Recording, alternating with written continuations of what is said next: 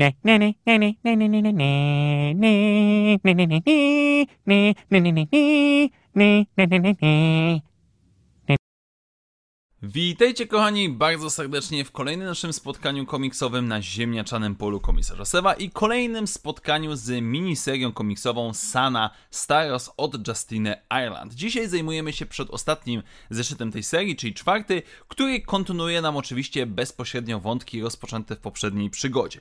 Czyli tym razem em, rodzina nieco umniejszona, rodzina Sany Staros y, ściga cały czas imperialnych z jednej strony dlatego, że kuzynka em, E, Sany Staros jest w ciąży i jest przetrzymywana przez imperialnych i jej, a powiedzmy, partnera imperialnego. E, jednocześnie została porwana również ich e, babcia, czy też powiedzmy głowa, seniorka całej rodziny. I ten zeszyt trzeba podzielić na kilka zasadniczych części, bo z jednej strony Sana Staros, jej ciotka oraz um, oraz e, Deva Lompop e, wyruszają, żeby skontaktować się teoretycznie z łowcą nagród, który przechwycił babcię.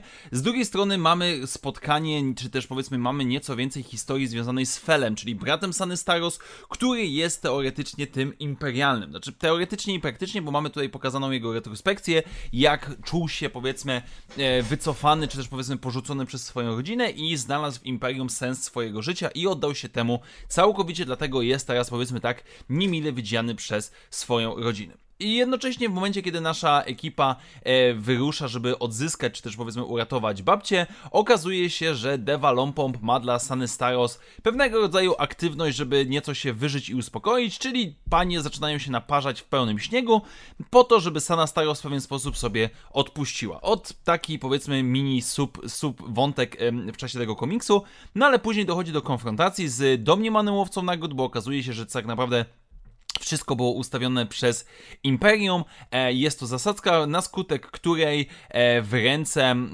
w ręce powiedzmy naszych imperialnych trafia zarówno ciotka, jak i również znaczy i jak i również babcia rodziny Staros, a sama, sama Sana skonfrontuje się ze swoim bratem, przez chwilę się naparzają, przez chwilę dyskutują, ale w pewnym momencie imperialni się wycofują, ponieważ Sana chce za nimi, Asana jednocześnie chce za nimi lecieć, a Deva Lompomp e, w pewien sposób mówi ją, żeby się uspokoiła, że musimy razem opracować plan, a jednocześnie nasza kuzynka Sany, e, że tak powiem, puszczają jej wody i zaczyna się, powiedzmy, narodziny, zaczynają się narodziny kolejnego członka, nowego członka rodziny Stajos. I ja wiem, że teraz cały ten opis fabularny był chaotyczny. Ja, ja sobie zdaję doskonale sprawę, ale tak jak na początku tej serii komiksowej byłem dosyć zaskoczony i całkiem nawet przyjemny pierwszy czy drugi zeszyt w jakiś sposób mi tam podchodziły, tak teraz jestem skonfundowany, tak dosyć mocno, bo nie wiem za bardzo co o tym wszystkim do- sądzić, bo im bardziej się zastanawiam nad tym serią komiksową, tym bardziej jestem zaskoczony. Po pierwsze, um, ciężko jest mi podejść jakiś. Jestem, jestem naprawdę dziwnie. Mam dziwne podejście związane z tą ciążą. E, bo jest to wątek, który mimo wszystko rzadko pojawia się w komiksach gwiezdnowojennych. Zazwyczaj, jeżeli mamy jakieś dzieci, jeżeli mamy jakieś potomstwo, no to jest to wątek związany z jakimś przekazywaniem pałeczki, że dzieciaki się ewentualnie buntują. Tutaj mamy natomiast dyskusję na temat tego, że em, matka nie chce, żeby jej dziecko było wychowane w reżimie imperialnym czy w systemie imperialnym.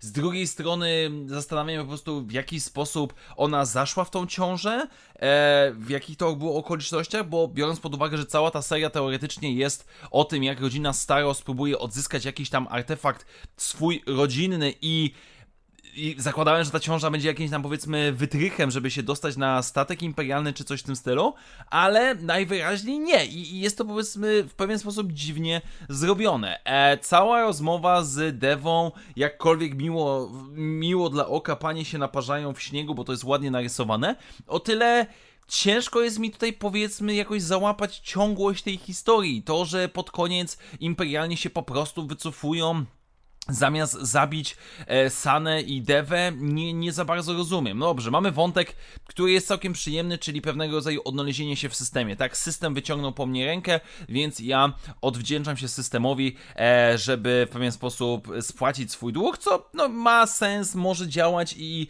tutaj to mogłoby być tak naprawdę główną osią fabuły całego, z, całej tej serii komiksowej, no ale nie jest, jest jedną z dodatkowych. Generalnie Ja jestem niepewny, dziwny jest ten zeszyt, dziwna jest ta seria komiksowa i nie wiem za bardzo, co o niej sądzić. Zobaczymy, jak przeczytam ostatni, piąty zeszyt, jak to wypadnie, bo w chwili obecnej mam wrażenie, że jest, no cóż, mogę powiedzieć, jest po prostu dziwnie. Tak więc dziękuję Wam bardzo serdecznie, moi drodzy, za dzisiejsze spotkanie.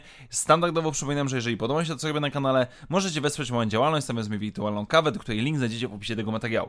Jeszcze raz wielkie dzięki, do zobaczenia w następnych materiałach i jak zawsze, niech moc będzie z Wami. Na razie, cześć!